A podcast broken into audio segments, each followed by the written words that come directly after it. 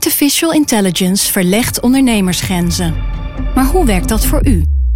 Als transformatiepartner helpt Capgemini u kansen te ontdekken en benutten, zodat we uw ideeën tot leven brengen.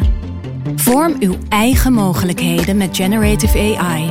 Ontdek meer op capgemini.nl/slash AI. Capgemini. Get the future you want. Wij zijn van de straat, van de buurt, van de wijk. Wij zijn van heel Nederland. Samen zorgen we voor vrolijkheid, verbinding, feest. Samen brengen we in één jaar tijd 349 miljoen euro bij elkaar. Miljoenen waarmee onze goede doelenpartners de wereld groener, gezonder en rechtvaardiger kunnen maken. Nationale Postcode Loterij. Samen voor een betere wereld.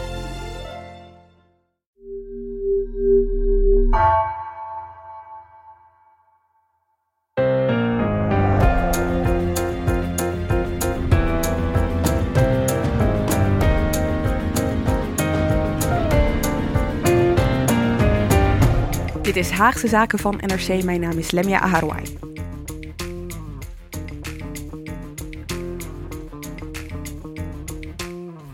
Het rommelt aan de Oekraïnse grens en dat klinkt ook in Den Haag. Deze week gingen premier Rutte en minister Hoekstra van Buitenlandse Zaken naar Kiev voor een gesprek met de Oekraïense president Volodymyr Zelensky. Na afloop zei Rutte in een gezamenlijke persconferentie dat Russische agressie tegen Oekraïne ernstige consequenties zal hebben. For the Netherlands, it is clear that further aggression against Ukraine will have serious consequences. Work is already underway in Europe and in partnership with the US to prepare a robust package of sanctions. Maar hoe zwaar wegen deze woorden? Wat zijn ze eigenlijk waard? In deze Haagse Zaken gaan we het hebben over buitenlands beleid. Je hoort of, en zo ja, hoe het Nederlandse beleid concreet invloed heeft op de situatie in Oekraïne. Wat Nederland wel en niet kan en mag doen in een internationaal conflict.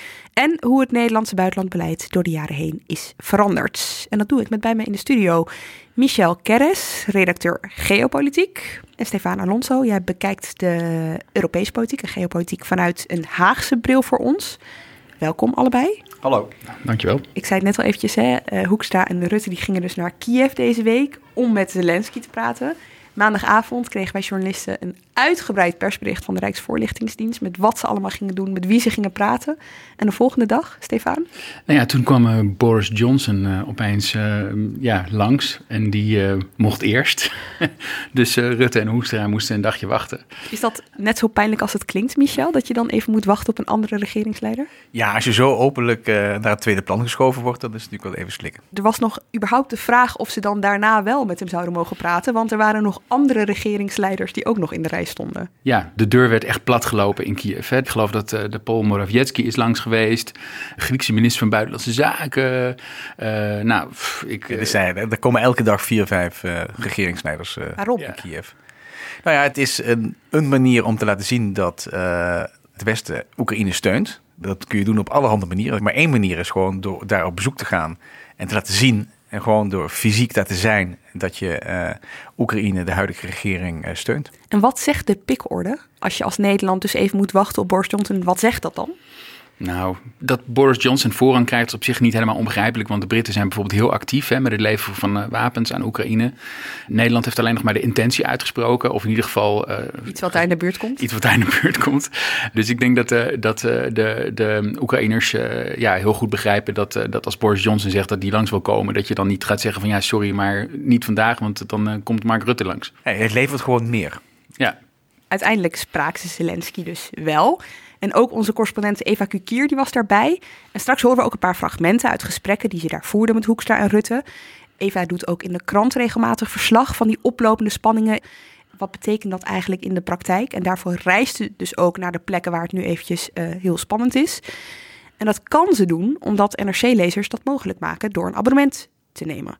Bedankt als jij er daar een van bent en als je het je kan veroorloven en je NRC-journalistiek belangrijk vindt, abonneer je dan ook. Je kan kijken wat bij je past op nrc.nl slash hz, Haagse Zaken.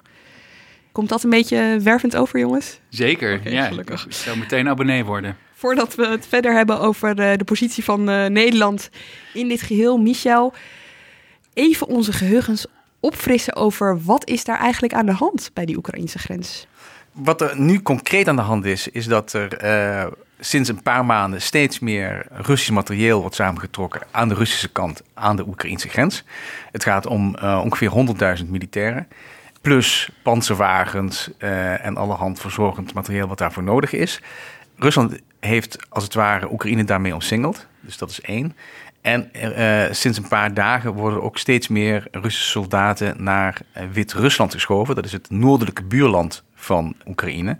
Dus ook aan die kant heeft Rusland als het ware uh, die omsingeling nou uh, compleet. Dus ze zijn bezig met, met insluiting om uit te leggen waarom dat zo spannend is. Moeten we eigenlijk een beetje terug de geschiedenis in, de recente geschiedenis in. Ja, de recente geschiedenis. Je moet eigenlijk even teruggaan naar, naar de val van de muur. Toen zijn alle landen die uh, met Rusland in het Warschau-pact zaten, zijn uit dat Warschau-pact gegaan en zijn in de loop der jaren, in de afgelopen twintig jaar, systematisch lid geworden van de NAVO. Er zijn een aantal landen die nog tussen zeg maar, het NAVO-gebied en uh, Rusland in liggen, waarvan Rusland vindt dat ze eigenlijk in de Russische invloedssfeer horen. De twee belangrijkste daarvan zijn Wit-Rusland, waar uh, Lukashenko aan de macht is, en het daaronder gelegen, fysiek daaronder gelegen uh, Oekraïne. En Poetin kan het eigenlijk niet hebben dat Oekraïne steeds verder opschuift naar het westen. En in 2014, 2015 was uh, Oekraïne bezig om toenadering te zoeken tot de Europese Unie. Dat ging toen om een soort associatieverdrag, werd er gesloten, een samenwerking op heel veel terreinen. En dat viel in Moskou helemaal verkeerd. Dus uh, toen plotseling hebben ze twee dingen gedaan. Ze hebben de Krim ingenomen in een operatie van een week. Dat is een schiereiland uh, tussen de zee van Azov en de Zwarte Zee. Wat ooit Russisch was, waar veel Russisch sprekende mensen wonen en waar veel enthousiasme voor Rusland is, maar toch was het een onderdeel van een andere staat, namelijk Oekraïne. Dat, dat hebben ze gewoon geannexeerd. Ja, dat hebben ze gewoon in een vloek en een zucht, gewoon met veel trucjes hebben ze dat ingenomen. En in het zuidoosten van Oekraïne zijn een aantal gebieden, in de Donbass, de oude steenkolenregio. Daar zijn twee gebieden, Donetsk en Lugansk. En die willen graag afscheiden van Oekraïne. En willen graag naar Rusland toe en worden ook heel erg door Rusland gesteund. Die inname van de Krim is nooit goedgekeurd. Niemand accepteert dat. Dus dat ligt daar eigenlijk. Maar Rusland gaat daar dus niet meer weg. En in het zuidoosten is die confrontatie tussen zeg maar, Kiev, dus tussen Oekraïne, de staat Oekraïne en de rebellen, de separatisten, dat is eigenlijk vastgelopen in een loopgravenoorlog die op een heel laag pitje gevoerd wordt, waar wel steeds nog doden vallen. En dat probleem is dus nooit opgelost. Dus er is een plekje in Europa waar mensen gewoon elke dag in een loopgraaf tegenover elkaar staan en af en toe een keer schieten. En dat conflict is eigenlijk een beetje uh, weggezakt, als het ware. En zeker weggezakt uit de uh, westerse publieke belangstelling. Ja.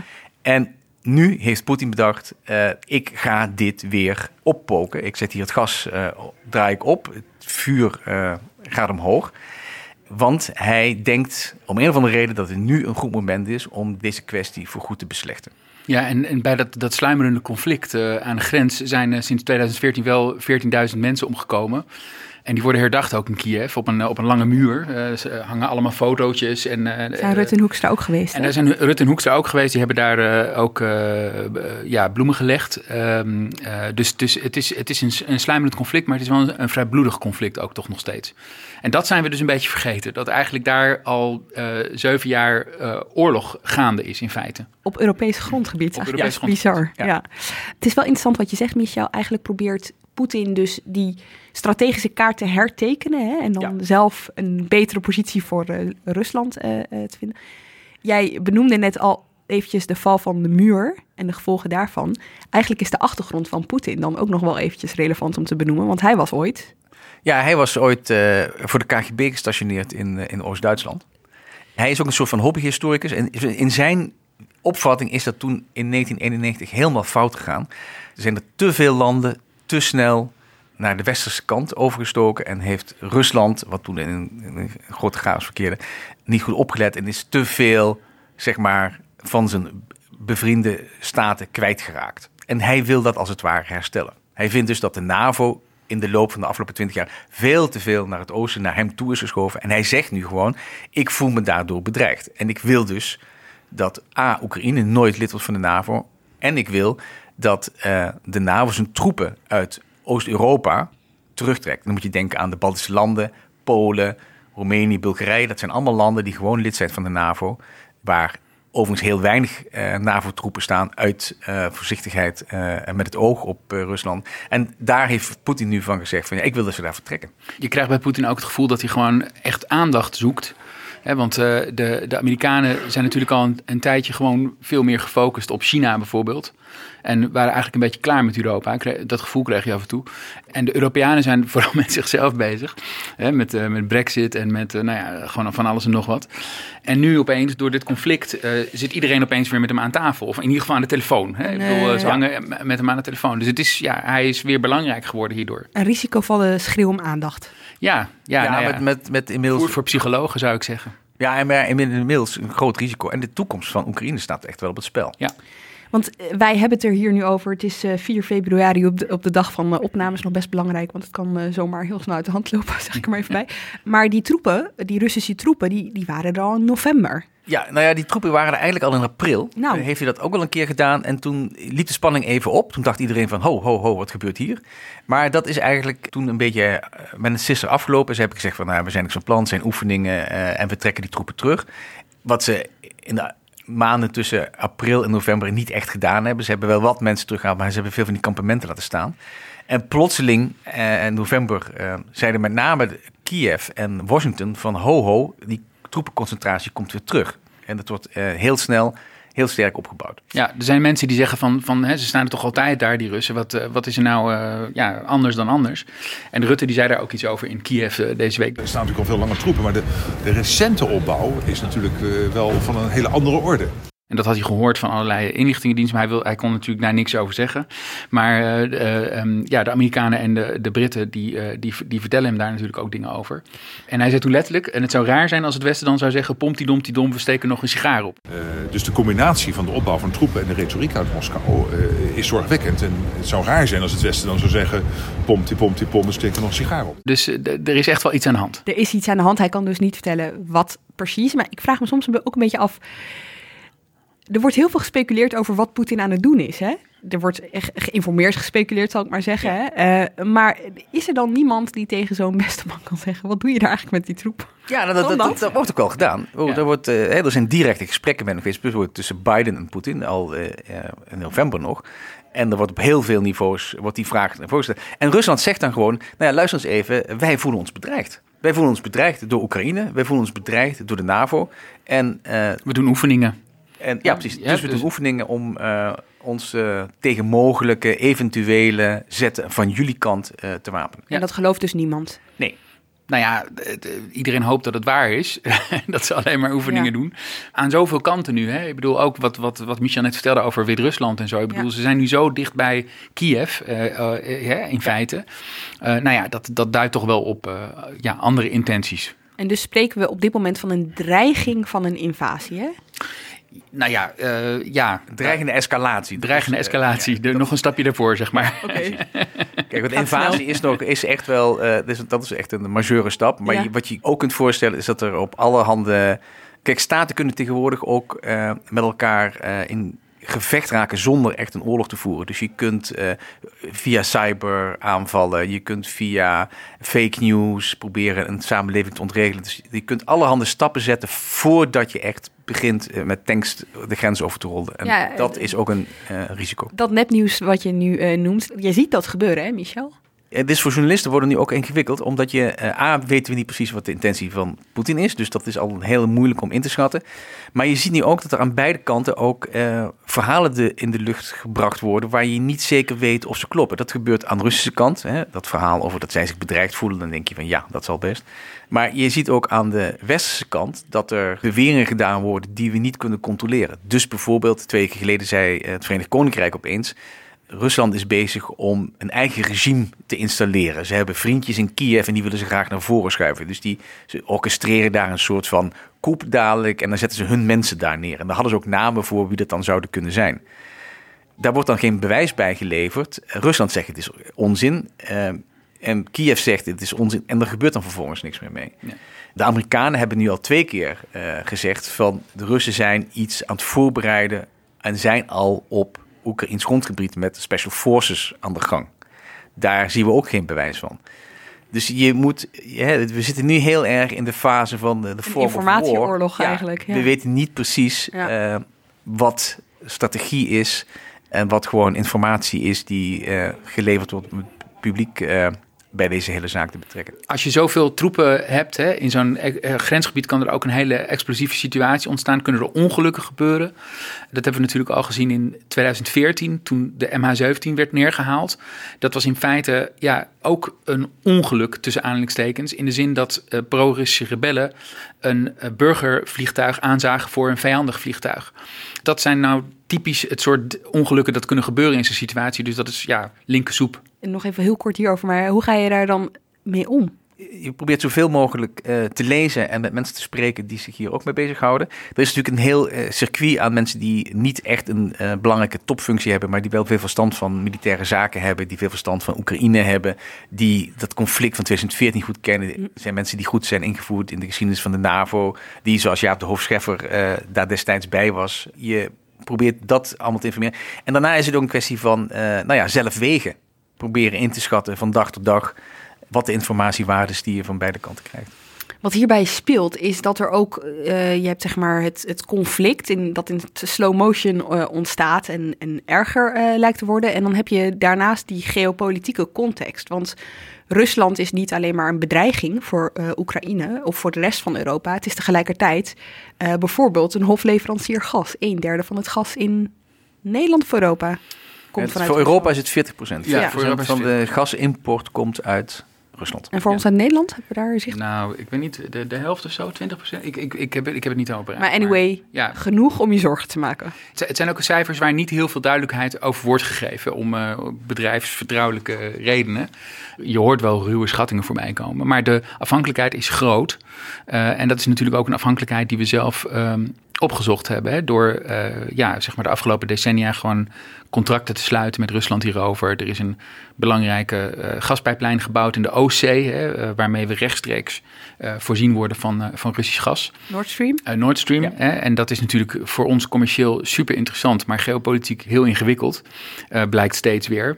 Dat maakt het wel heel lastig. We hebben natuurlijk een hele rare, complexe relatie met Rusland. We hebben de NAVO en daar doen we niets anders dan ons voorbereiden voor het geval Rusland eh, agressief wordt. Dat is aan de ene kant. Dus we zien het daar, zien we Rusland heel erg als een als vijand, als agressor, als potentiële agressor. eh. En tegelijkertijd hebben we heel veel banden met Rusland, economisch. Dus we behandelen het land ook net zoals eh, we alle andere landen behandelen. En dat, die dubbelheid, eh, die breekt ons nu natuurlijk op. Ja. Maar goed, dat zijn ook een beetje de twee scholen die je altijd hebt gehad. Hè. Je hebt altijd in Europa een school gehad van je, moet, je, je kunt vrede bereiken door zoveel mogelijk economische interactie te propageren. Eh, en je hebt de andere school die zegt van dat is allemaal leuk en aardig, maar je moet wel voorbereid zijn op, voor het geval dat het misgaat. Dus die NAVO moet gewoon heel sterk zijn.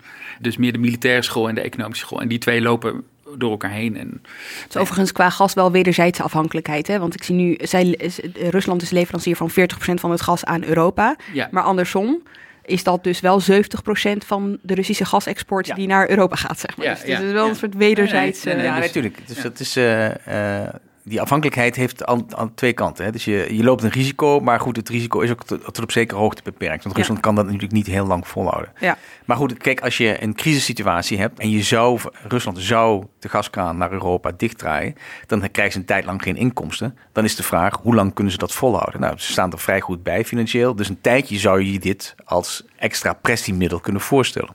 Ja, maar Ja. goed, ze hebben ook weer andere afnamemarkten eventueel, toch? Bijvoorbeeld Ja, China, waar zij wel steeds meer geïnteresseerd in raken. Ja, dat is waar, maar met gaspijpleidingen die heb je natuurlijk niet eh, van de ene dag op de Ja. andere. Je kunt gas op twee manieren vervoeren. Vloeibaar in een schip.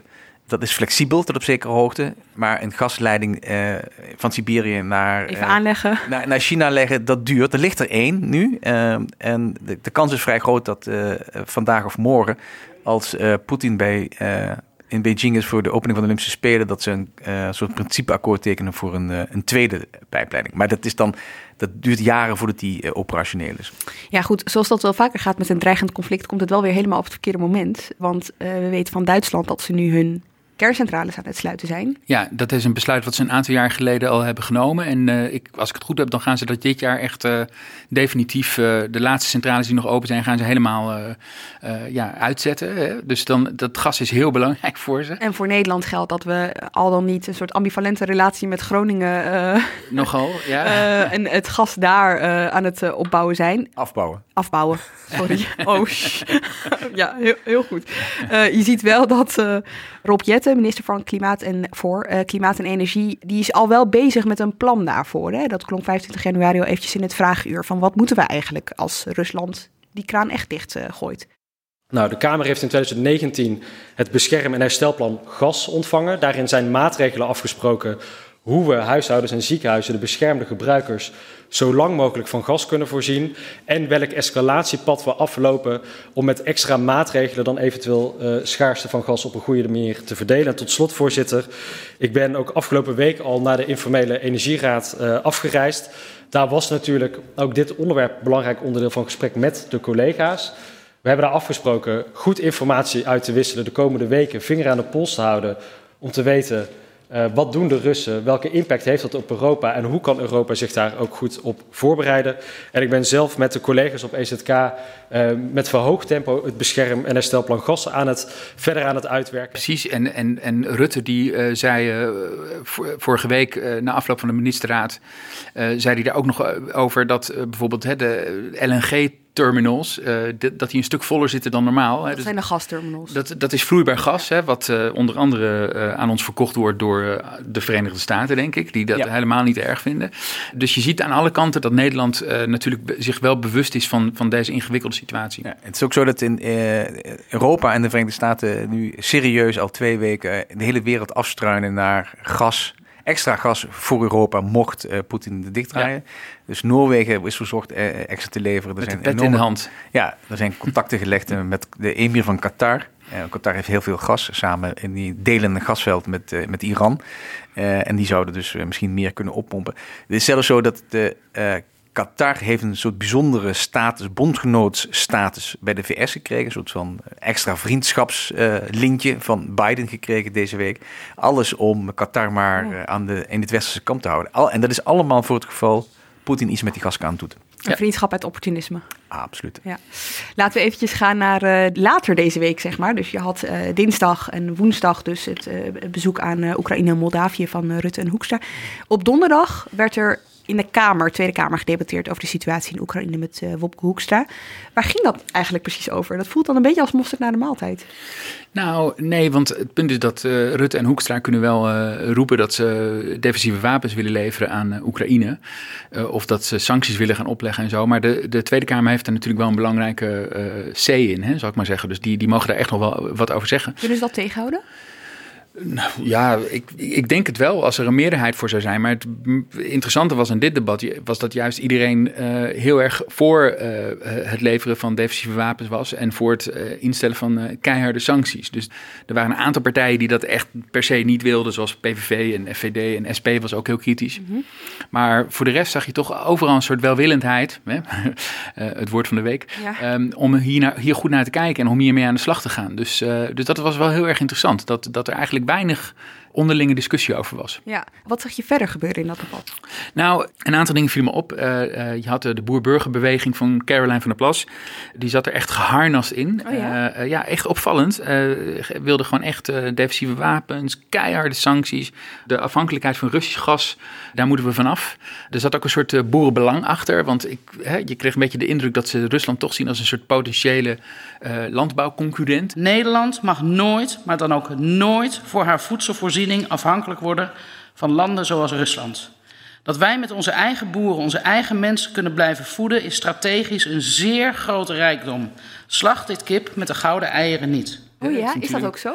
Nou ja, het is een groot land. Ze produceren veel landbouwproducten. Dus, ja. uh, en ze kunnen dat waarschijnlijk goedkoper dan Nederland. Weet, weet ik niet hoor. Maar het, het, het, viel me op dat ze dat noemden. Hè? Oh, dus ja. dat het belangrijk was om zeg maar, het, het, de Nederlandse landbouw ook te verdedigen tegen uh, Rusland. En, en ze wilden zelfs een, een, foto laten maken met andere Kamerleden, met de Nederlandse vlag, om solidariteit te betuigen met Oekraïne. Voorzitter, graag wil ik de Kamerleden een voorstel doen. Gisteren zag ik een foto uit het Oekraïense parlement waar parlementariërs vlaggen om, omhoog hielden van landen die hun soevereiniteit steunden. De Nederlandse vlag ontbrak tussen de grote diversiteit aan vlaggen. Ik heb hier een vlag bij me en ik stel voor om tijdens de schorsing met de welwillige Kamerleden op de foto te gaan. Want laat het duidelijk zijn: Nederland steunt de soevereiniteit en de vrijheid van de mensen in Oekraïne. Dus hij zat echt geharnast in. Wat mij ook opviel was dat... Uh, maar we hoeven nog geen uh, Oekraïnse vlag in het parlement te zetten. Dat, nee, daar, daar heb ik niemand nog over gehoord. Maar nou, wie weet. Nog niet. Nee, okay. nou ja, je zag natuurlijk wel dat uh, Van der Staaien van de SGP... die was op zich ook voor sancties. En die vond wapens op zich ook wel een goed idee. Maar hij zei van dat is totaal onrealistisch... want we hebben onze defensie de afgelopen decennia compleet uitgekleed... dus we hebben ze niks meer te bieden. Wat zouden zij eigenlijk kunnen bieden? Gezien de stand van onze, de staat van onze krijgsmacht, kan dat toch eigenlijk nooit veel geweest zijn. Ik was er niet bij, maar ik weet niet hoe het gesprek gelopen is, maar het had zomaar zo kunnen gaan. Beste president, om eerlijk te zijn, na het uiteenvallen van de Sovjet-Unie hebben wij in een overwinningsroes onze krijgsmacht uitgekleed en uitgewoond. Op dit moment echter hebben wij in Nederland meer ministers dan tanks. Dus hij, uh, hij vond het gewoon niet heel erg realistisch. Uh, en hij had daar dus allerlei vragen over. En je zag binnen de coalitie was iedereen ook gewoon het uh, met elkaar eens. De ChristenUnie was licht afwijkend. Hè? Die, oh ja? die, die, nou, die, die, die zijn wel voor sancties. Wapens hadden ze vooral veel vragen over nog. Voorzitter, te aanzien van het leveren van wapens. Oekraïne is geen lid van de NAVO, maar vraagt enkele landen, zoals ze hebben kunnen constateren, nu wel om hulp. Er wordt om wapens gevraagd. Een aantal landen wil die wapens wel leveren, met name de landen die al een moeizame relatie met Rusland hebben. Wij weten dat Nederland wel willend tegenover het, het verzoek staat, maar tegelijkertijd nog vragen hebben over welke landen uh, daar uh, ook over um, gevraagd zijn en welke daar ook aan meedoen. Ik hoop dat de minister daar duidelijkheid over kan scheppen. Het is ook echt een heel gevoelig onderwerp hè, om, om, om wapens te leveren uh, aan een bevriende natie. Daar waren wel vrij veel vragen over. Oh ja, wapens te leveren aan een bevriende natie in een conflict situatie. In een conflict situatie. Dat is natuurlijk, dat is natuurlijk waar, de, waar de schoen heel erg wringt. Precies, precies. Ja. Want daar ging het debat eigenlijk breed over. Dus die economische sancties, wat, wat zouden we daar nog meer kunnen doen? En ja. uh, stel dat er gevraagd wordt om wapens, en dat is volgens mij ook al wel gebeurd. Ja, ja. Wat doen we dan? Nou, dat is precies waar het om ging. En uh, wat interessant was om te zien ook, uh, was dat ja, eigenlijk de Kamer dus eigenlijk heel positief hier uh, tegenaan kijkt. dus Wopke Hoekstra had eigenlijk gewoon een hele, hele relaxte avond, zou je zeggen. Maar toen maakte hij het zichzelf heel erg moeilijk door gewoon eigenlijk vrij vaag te blijven over wat de Nederlandse inzet nou eigenlijk precies was. De Kamer had hele terechte vragen over van uh, moeten die sancties niet nu al worden uh, uh, opgetuigd zodat het ze een afschrikwekkend effect hebben op Poetin. Gewoon je moet nu al laten zien dat het je menens is. O of ga je die sancties pas doen als Poetin echt tot de aanval overgaat? En daar had hij eigenlijk hele vage, ingewikkelde antwoorden gaf hij daarop. hij, hij zei ook de hele tijd van ja dat Europa heel erg ingewikkeld is en dat het heel moeilijk is om alle neuzen dezelfde.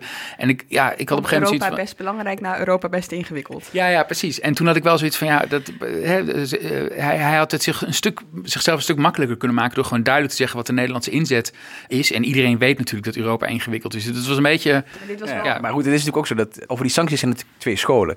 De ene zegt van, uh, je moet, uh, je moet Poetin nu al straffen zodat hij weet dat we het serieus menen.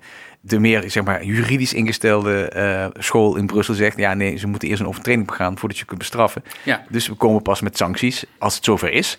Bovendien is het zo dat als je ze nu al geeft, wat doe je dan als Poetin daadwerkelijk tot een uh, escalatie zou overgaan? Ja. Je kunt die sancties maar één keer opleggen uh, en daarna ben je het instrument een beetje kwijt. Ja. Of, het, uh, of een deel van het instrument ben je kwijt. Dus dat is een heel ingewikkeld debat. En ja, in Europa krijg je sterk de indruk, is er gewoon nog niet uit. Nee. maar de, het, het, het punt is, er ligt dus nu nog geen sanctiepakket. Iedereen heeft het over de noodzaak van harde sancties.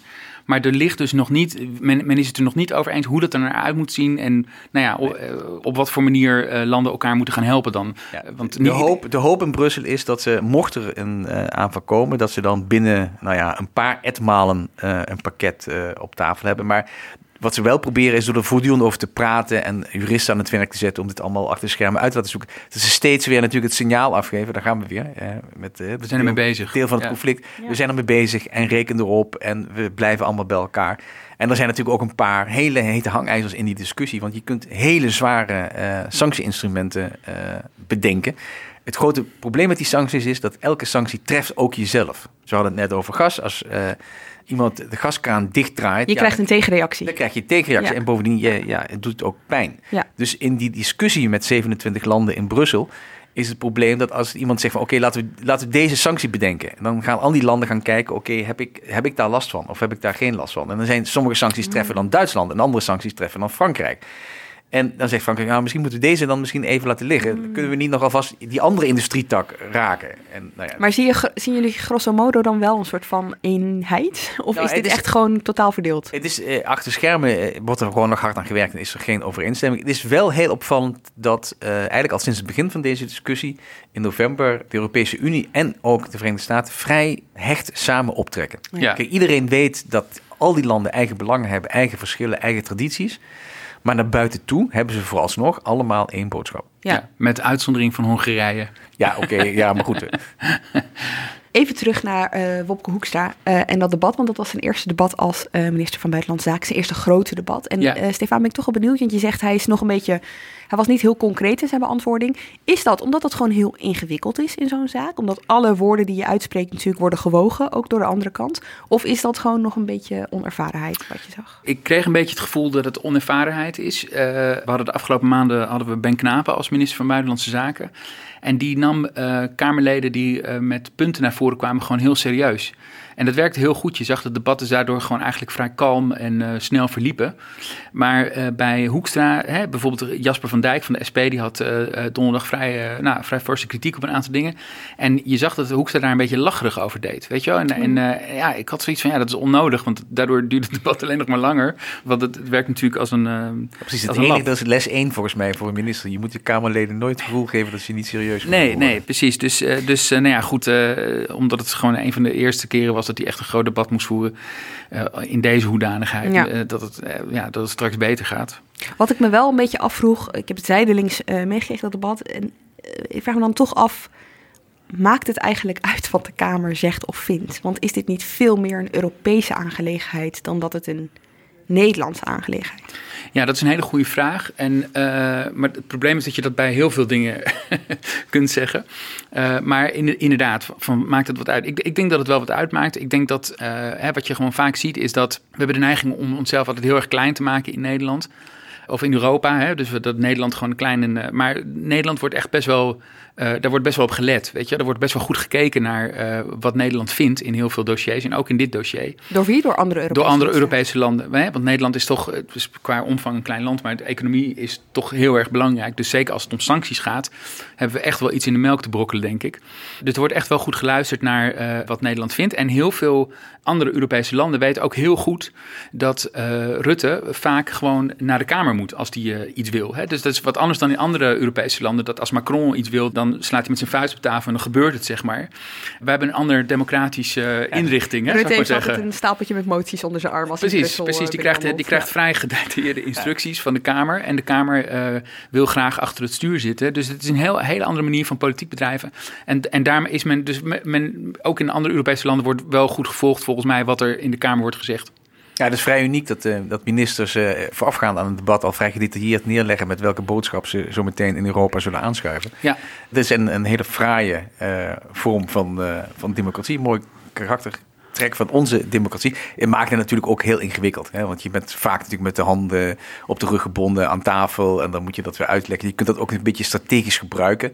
En zo van, ja jongens, luister, ik sta met de hè, rug tegen de muur. Want kan niet anders, kan, kan niet anders. Kan niet ja. anders. Maar, dit, maar dat, kun je, dat kun je een paar keer zeggen, maar dat kun je ook niet de hele tijd zeggen. Nee, precies. Dus het heeft, het heeft voor- en het heeft ja. nadelen. Maar ja. dit is een, een, een bijzonder kenmerk van... Uh, dat, uh, het, geeft buitenlands beleid in Nederland ook uh, profiel en zichtbaarheid. Hè? Het geeft een, zekere mate van transparantie als een Kamer daar enige mate geïnformeerd over uh, kan discussiëren. Maar dat gaat natuurlijk over heel belangrijke zaken. Ja, even tussendoor. Af en toe hoor je geboor en uh, getimmer om ons heen. Dat komt omdat wij in een kamer zitten, Tweede Kamer, waar ook nog af en toe wat verbouwd wordt. Dus dat kun je af en toe in de aflevering horen. Sorry daarvoor, maar het is even niet anders. Ik vraag dat van de Kamer. En heeft zo'n debat wel zin? Natuurlijk heeft het zin. Dat zie ik wel. Maar we zijn als Nederland natuurlijk ook lid van de NAVO, de EU. Weet je wel, we zijn toch ook gebonden aan internationale afspraken in hoeverre je je bemoeit met een conflict. Ja, natuurlijk. Uh, we hebben uh, verdragsafspraken, daar moeten we ons aan houden. Binnen de NAVO is de belangrijkste uh, verplichting die we daar hebben... dat mocht een land zich aan, wat lid is van de NAVO aangevallen worden... en het beroemde artikel 5 van de NAVO wordt aangeroepen... dat, dat artikel zegt, een aanval op één is een aanval Ja. op ons allen. Ja. Uh, dus we hebben dan een verplichting om dat land uh, te gaan helpen, ook echt uh, terzijde staan. Dat komt niet zo vaak voor. Daar zijn we ingebonden. Dat is deel van onze, uh, van een groot deel van ons pijler zeg maar, onder ons buitenlands beleid. Dus dat aan de ene kant. Aan de andere kant zijn we natuurlijk uh, heel actief lid uh, van de Europese Unie en zijn daardoor onderdeel van een hele sterke economische macht. De NAVO is defensie. Als Nederland besluit om, zoals twee weken geleden, om uh, F-35 vliegtuigen te verplaatsen naar Bulgarije, dat is in, in het kader van de NAVO-operatie. maar als we het hebben over sancties, daar kan die hele NAVO niks mee. Dat gebeurt allemaal aan de andere kant van Brussel. Dat is echt een Europese Unie-instrument. Ja, en, en, en kijk, als, als, we hoorden net Rutte in Kiev zeggen van, uh, uh, dat het ernstige consequenties gaat hebben als, uh, als, als, als, als Rusland een vinger uitsteekt naar Oekraïne. En ja, daar kun je dan een beetje lacherig over doen van, goh, Poetin, we waarschuwen voor de laatste keer. maar ehm, ja, omdat Nederland ingebed zit in, in die EU en ook in die NAVO, is het wel degelijk belangrijk wat de premier daarover te zeggen heeft. Weet je wel? Dus ik bedoel, het is niet, hij staat daar niet als de representant van een klein onbenullig uh, land. Mm. Ik bedoel, hij is onderdeel van een groter geheel en van een, hij is premier van een land wat economisch gewoon machtig is. En de Kamer uh, beoefent dus, invloed, hoe zeg je dat nou? Uh, heeft oefen, dus oefen, invloed, oefen, oefent invloed uit, hè? via de premier. Ja, okay. dus die, die kunnen dat dan uh, proberen bij te sturen. Of dat uh, lukt, uh, ja, dat in, in, soms beter dan anders, ja. zou ik maar zeggen. Maar in dit dossier ja. is wel opvallend, zoals jij net vertelde, dat de ja. Kamer het kabinet Hoekstra in dat debat steunt. En Nederland zit heel erg in de mainstream van wat de EU en wat ook de NAVO vinden. Dus het, nu loopt het allemaal parallel. En ik, heb, ik heb zelfs het gevoel dat de Kamer er wat feller in zit dan het kabinet. Hè? Want het, de Kamer wil bijvoorbeeld ook dat er gekeken wordt naar Nord Stream, hè, de, uh, gas, uh, zegt dat openlijk. Er werd ook veel uh, genoemd de brievenbusconstructies die we hebben in Nederland. En die natuurlijk heel gunstig zijn voor Russische oligarchen die hun geld proberen te verbergen. Hè, of we op dat soort vlakken niet meer zouden kunnen doen. Dus je, je, je ziet zelf dat de Kamer, denk ik, een, een deel van de Kamer en zal echt wel verder willen gaan dan wat het kabinet nu doet. Maar zelfs. dat is wel interessant, want dan, dus zeg maar, je kan dus als Nederland, als je constateert die briefbusmaatschappijen die worden bovengemiddeld vaak gebruikt door Russische ja. oligarchen, ja. dan gaan wij als land bepalen ja. dat we dat gaan aanpakken. Kan dat of ben je dan toch overgeleverd aan het Europese sanctiepakket waar je... Nee, nee, het sanctiepakket is, is, echt, dat is echt een concrete actie gericht op een huidige crisis. We hebben bilaterale betrekkingen met Rusland. Je kunt zelf zeggen, hey, luister eens even, dit gaan we gewoon niet meer doen. Ja. In Nederland ligt wat dat betreft onder vuur. Wat ook heel erg onder vuur ligt is Groot-Brittannië. Wat uh, met name Londen, dus die oligarchen hebben daar, uh, die gebruiken dat als een soort van Pierre Terre, waar ze dan al hun Ja. geld stallen, waar ze hun geld witwassen. eh, Waar hun kinderen naar school gaan, Ja. alles. Precies, dus je kunt het Verenigd Koninkrijk zou kunnen zeggen van eh, hè, die, al die witwasconstructies, daar gaan we, die gaan we nu via, die gaan we nu gewoon aanpakken. Ja. Is dat gebruikelijk? Hoe bedoel je? Nou, dat eh, dus eh, landen afzonderlijk eh, denken, wij gaan, wij gaan hier eventjes een stokje Nou, kijk, het, het, punt is, Nederland zou, dit, zou zelf dus veel meer kunnen doen. Alleen Nederland zegt heel vaak van, we moeten dit in overleg doen. En, hè, Maar dat het- moet dus niet, dat is een keuze. Dat, dat is een keuze. Ja. Dat is een politieke keuze. Het, ook wel een begrijpelijke politieke keuze. Want als je zelf bijvoorbeeld iets aan je belastingbeleid gaat doen, uit jezelf. En anderen doen dat niet, dan kan dat ook je concurrentiepositie verslechteren en zo. Dus het is ook wel goed om dat in overleg te doen. Maar Nederland kan daar, kan, als het wil, kan het daar veel proactiever in zijn.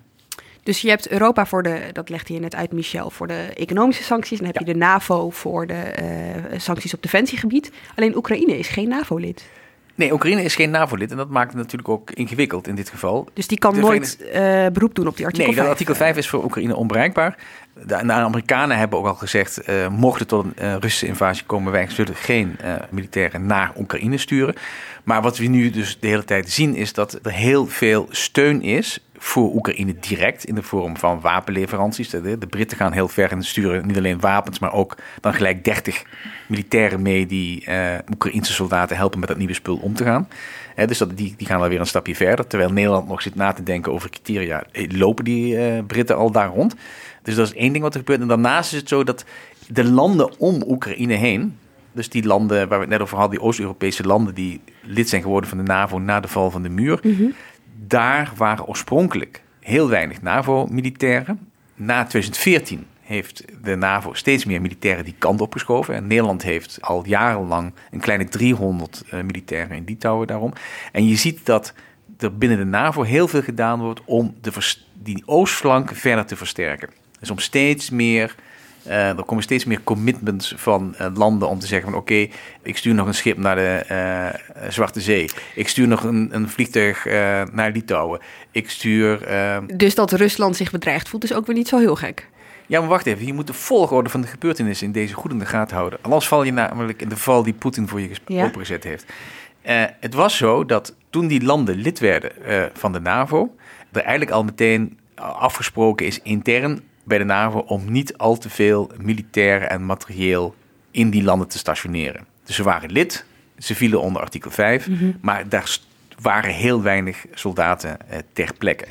Na 2014, nadat Rusland in de Oekraïne is binnengevallen en die oorlog in de Donbass ging steunen, is dat veranderd en heeft de NAVO gedacht van mijn hemel, die Russische dreiging bestaat nog steeds we gaan die oostflank langzaam versterken. Dus er zijn internationale battlegroups gevormd waar Nederland ook aan deelneemt. Dus Nederland heeft al die tijd al een kleine 300 man in Litouwen ja, daarvoor. En je moet niet vergeten dat Poetin ook op andere vlakken natuurlijk heel assertief is. Hè? Er zijn moordaanslagen gepleegd in, op Europees grondgebied, waar waarschijnlijk de, de Russische geheime diensten achter zitten.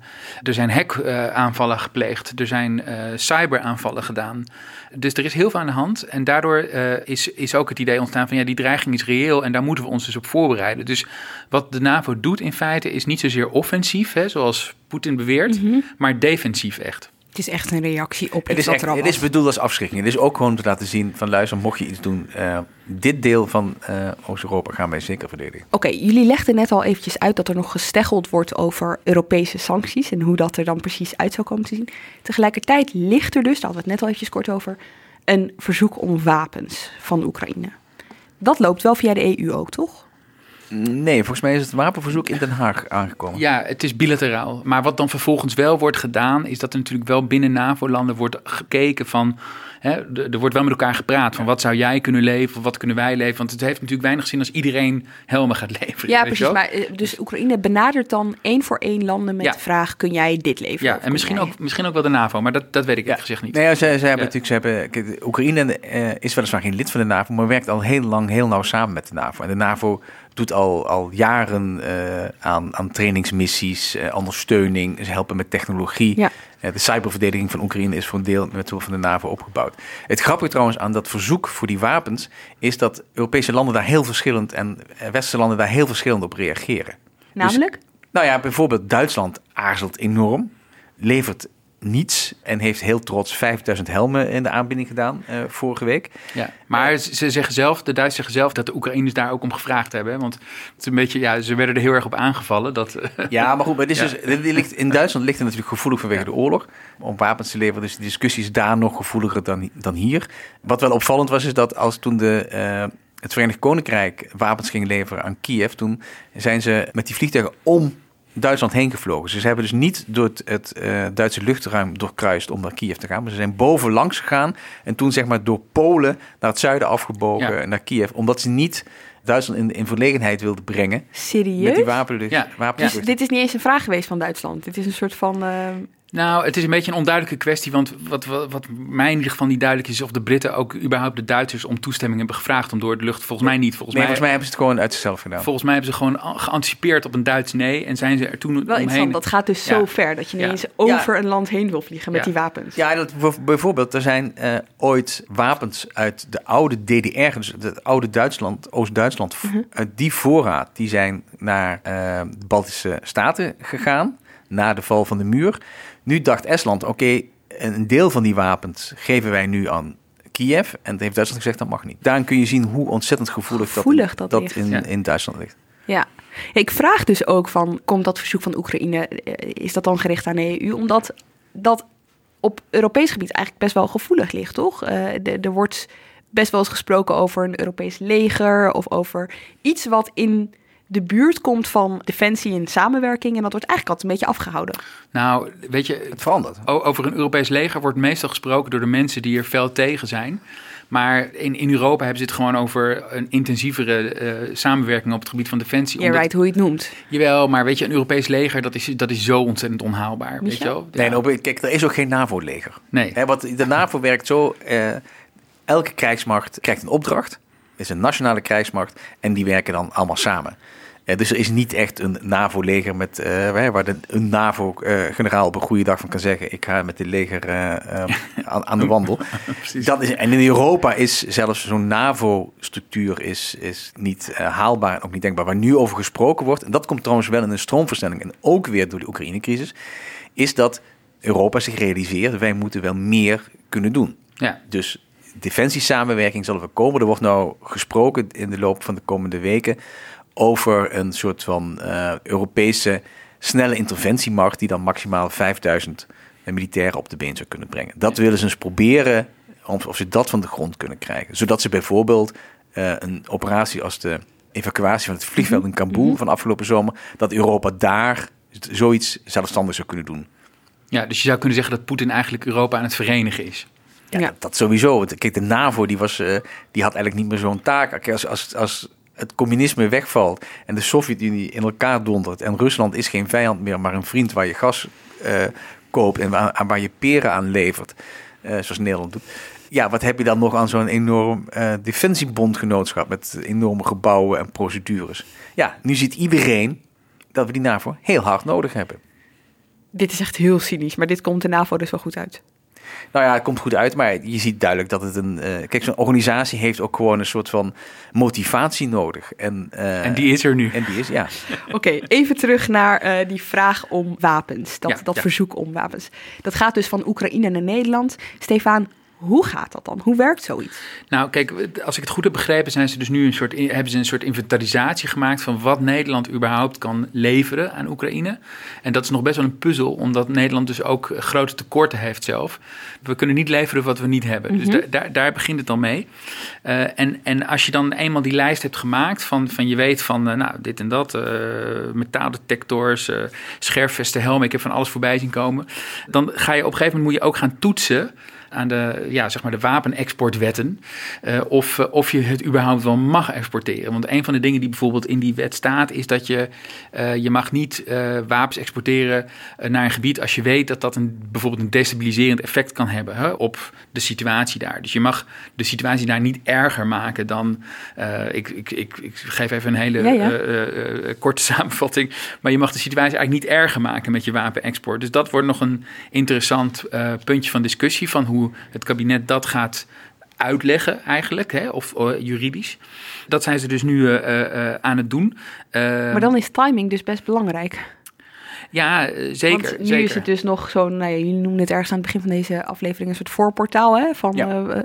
dus als je het nu doet, dan is het natuurlijk anders dan als de shit echt aan is dan is het nog ingewikkelder, want dan, dan maak je het eigenlijk ja. erger. En dan krijg je ook weer een hele discussie, dat had je gisteren ook in de Kamer, van wat is defensief en wat is ja. uh, offensief. Hè? Of, uh, uh, nou ja, goed, Hoekstra zei daarover dat hij niet verwachtte dat Oekraïne met Nederlandse wapens Rusland ging aanvallen. Dat klopt denk ik inderdaad wel. Dus dan, dan is in feite alles wat je levert aan Oekraïne ja. defensief, omdat Oekraïne natuurlijk een veel kwetsbaarder, kleiner leger heeft dan Rusland. Ja. Maar voor het andere landen leveren bijvoorbeeld antitankraketten dat zijn dingen die leg je gewoon hè, als, als militair op je schouder. Daar kun je vrij snel mee leren omgaan. Ja. En daar heb je echt wat aan als er panzervoertuigen uh, de grens oversteken. Daar heb je niks aan als jij Rusland zou ja. aanvallen. Dus, en het is natuurlijk ook een absurd idee dat Oekraïne uh, uh, agressief zou worden jegens Rusland. Dat ja. is echt een ja. belachelijke ja.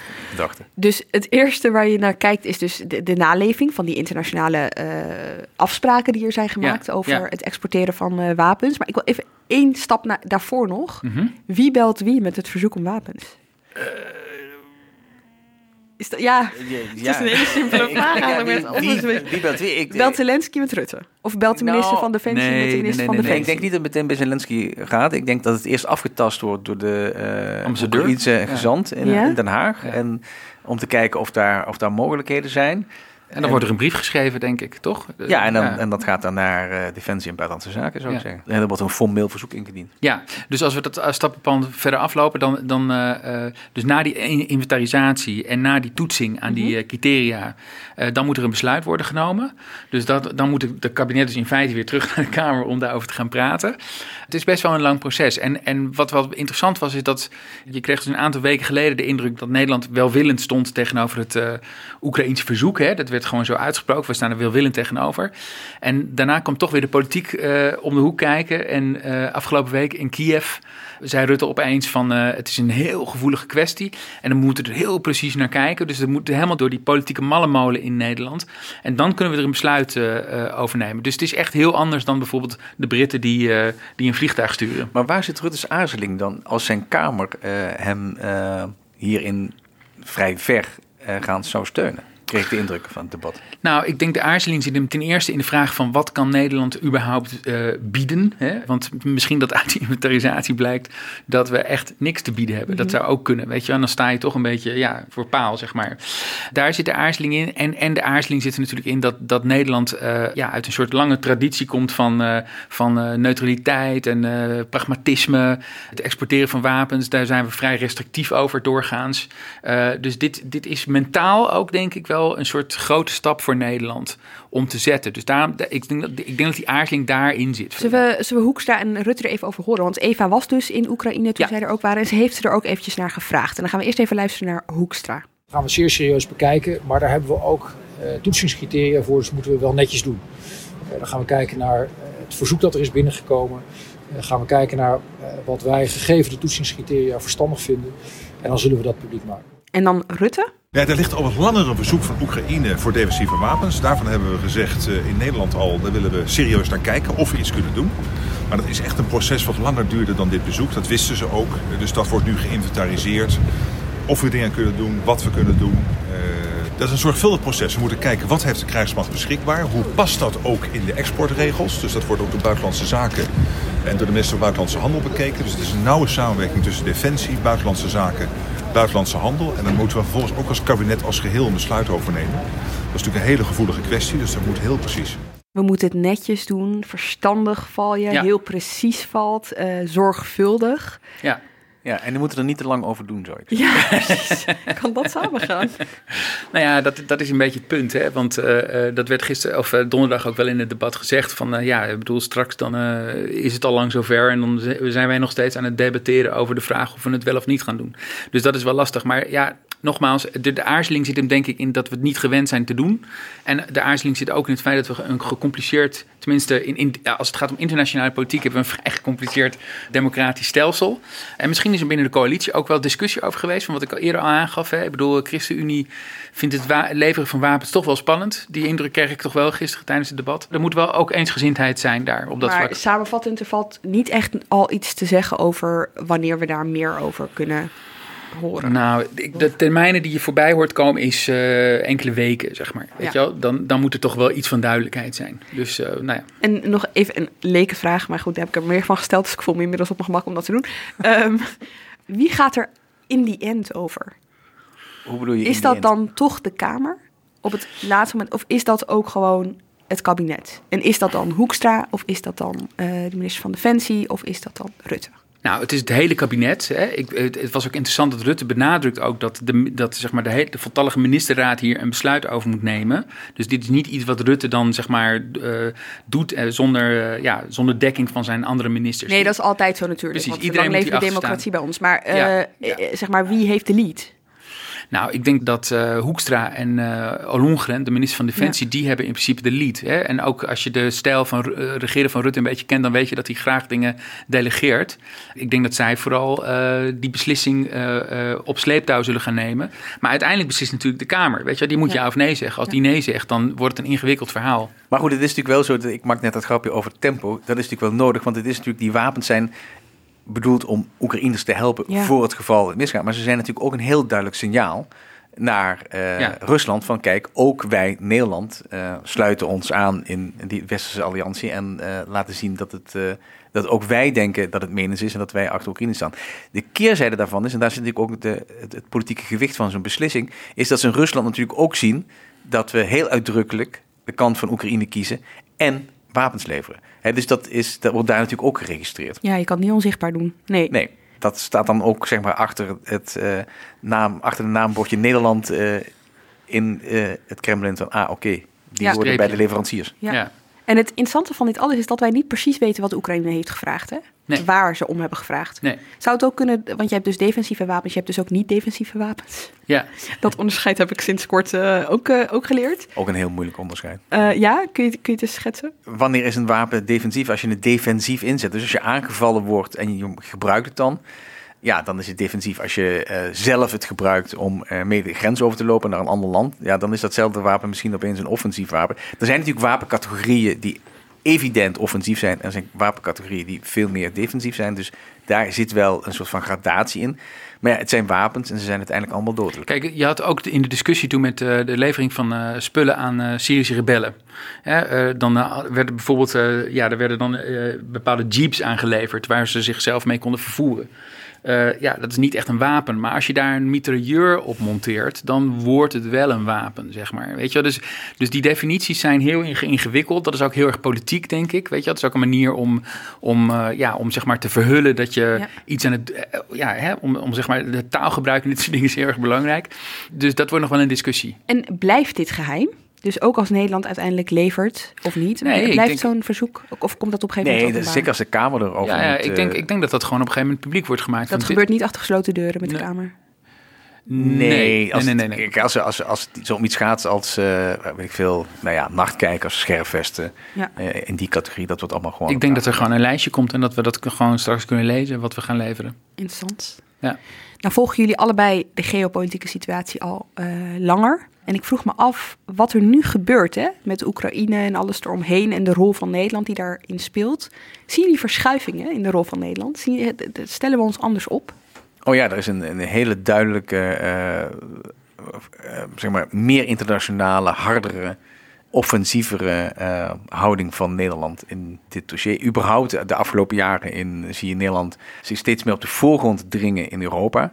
Eh, omdat daar hele grote belangen voor Nederland liggen en Nederland eh, gezien heeft dat het daar iets kan betekenen en ook iets moet betekenen. Dat heeft onder andere te maken met het vertrek van het Verenigd Koninkrijk. Want er was je altijd zo'n mooie driehoek in Europa. Eh, Frankrijk, Duitsland, Verenigd Koninkrijk en Nederland nestelde zich dan ergens dan comfortabel in die driehoek. Een beetje altijd in de buurt van het Verenigd Koninkrijk.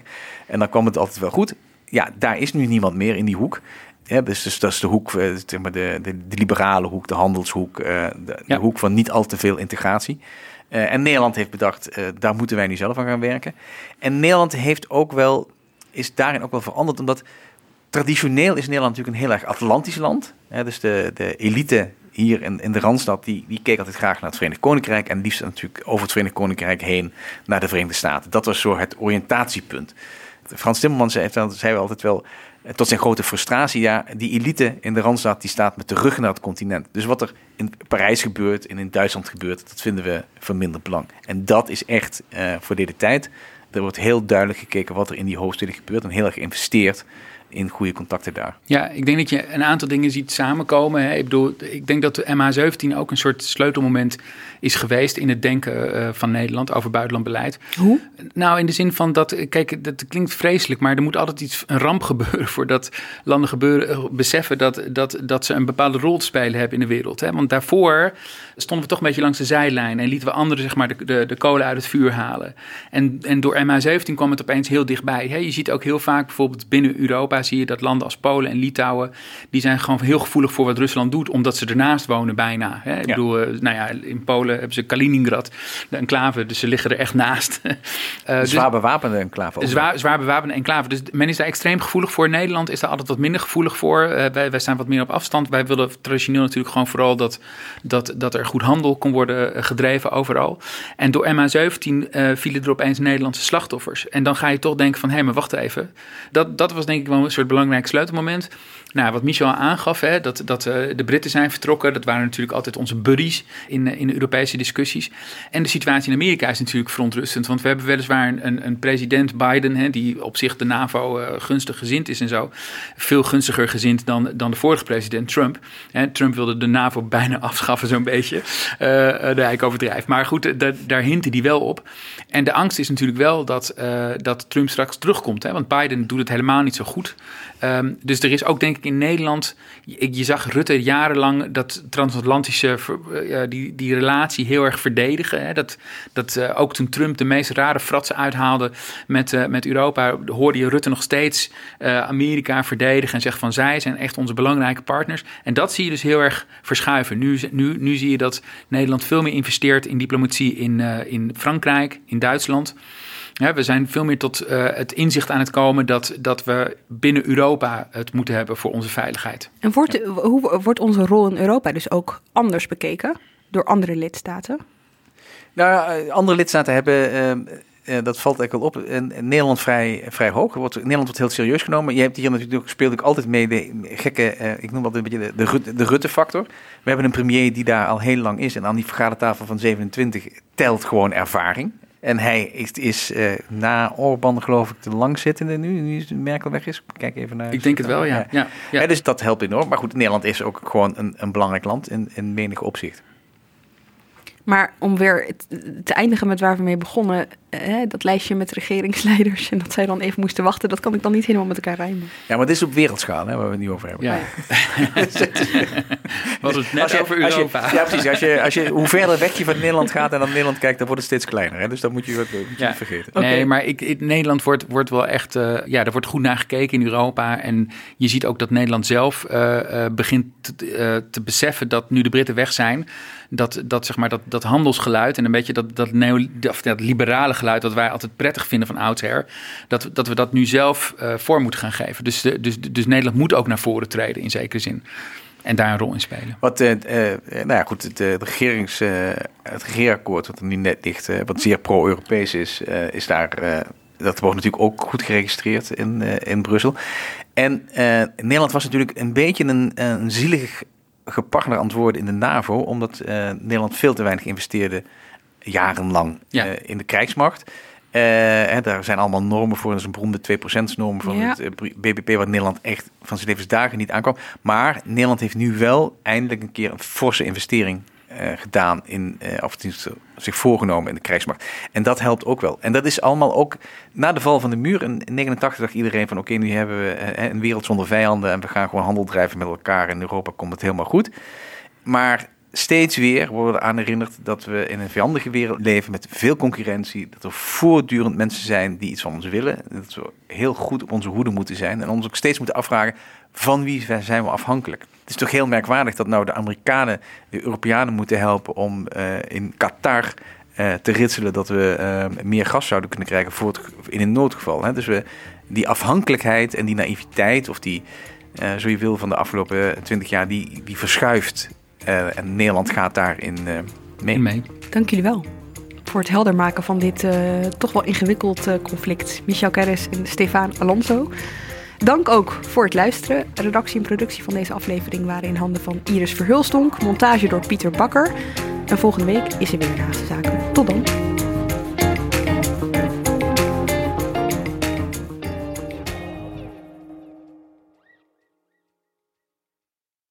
Je hebt aardig wat vermogen opgebouwd. En daar zit je dan, met je ton op de bank. Wel een beetje saai, hè? Wil jij, als belegger, onderdeel zijn van het verleden of van de toekomst? Bridgefund is een slimme fintech die een brug slaat tussen de financiële behoeften van ondernemers en van beleggers. Dus wie belegt bij Bridgefund krijgt niet alleen een mooie vaste rente, maar brengt ook ondernemers in beweging. Echt waar. Met die ton kan je zoveel betere dingen doen. Bridgefund. Make money smile.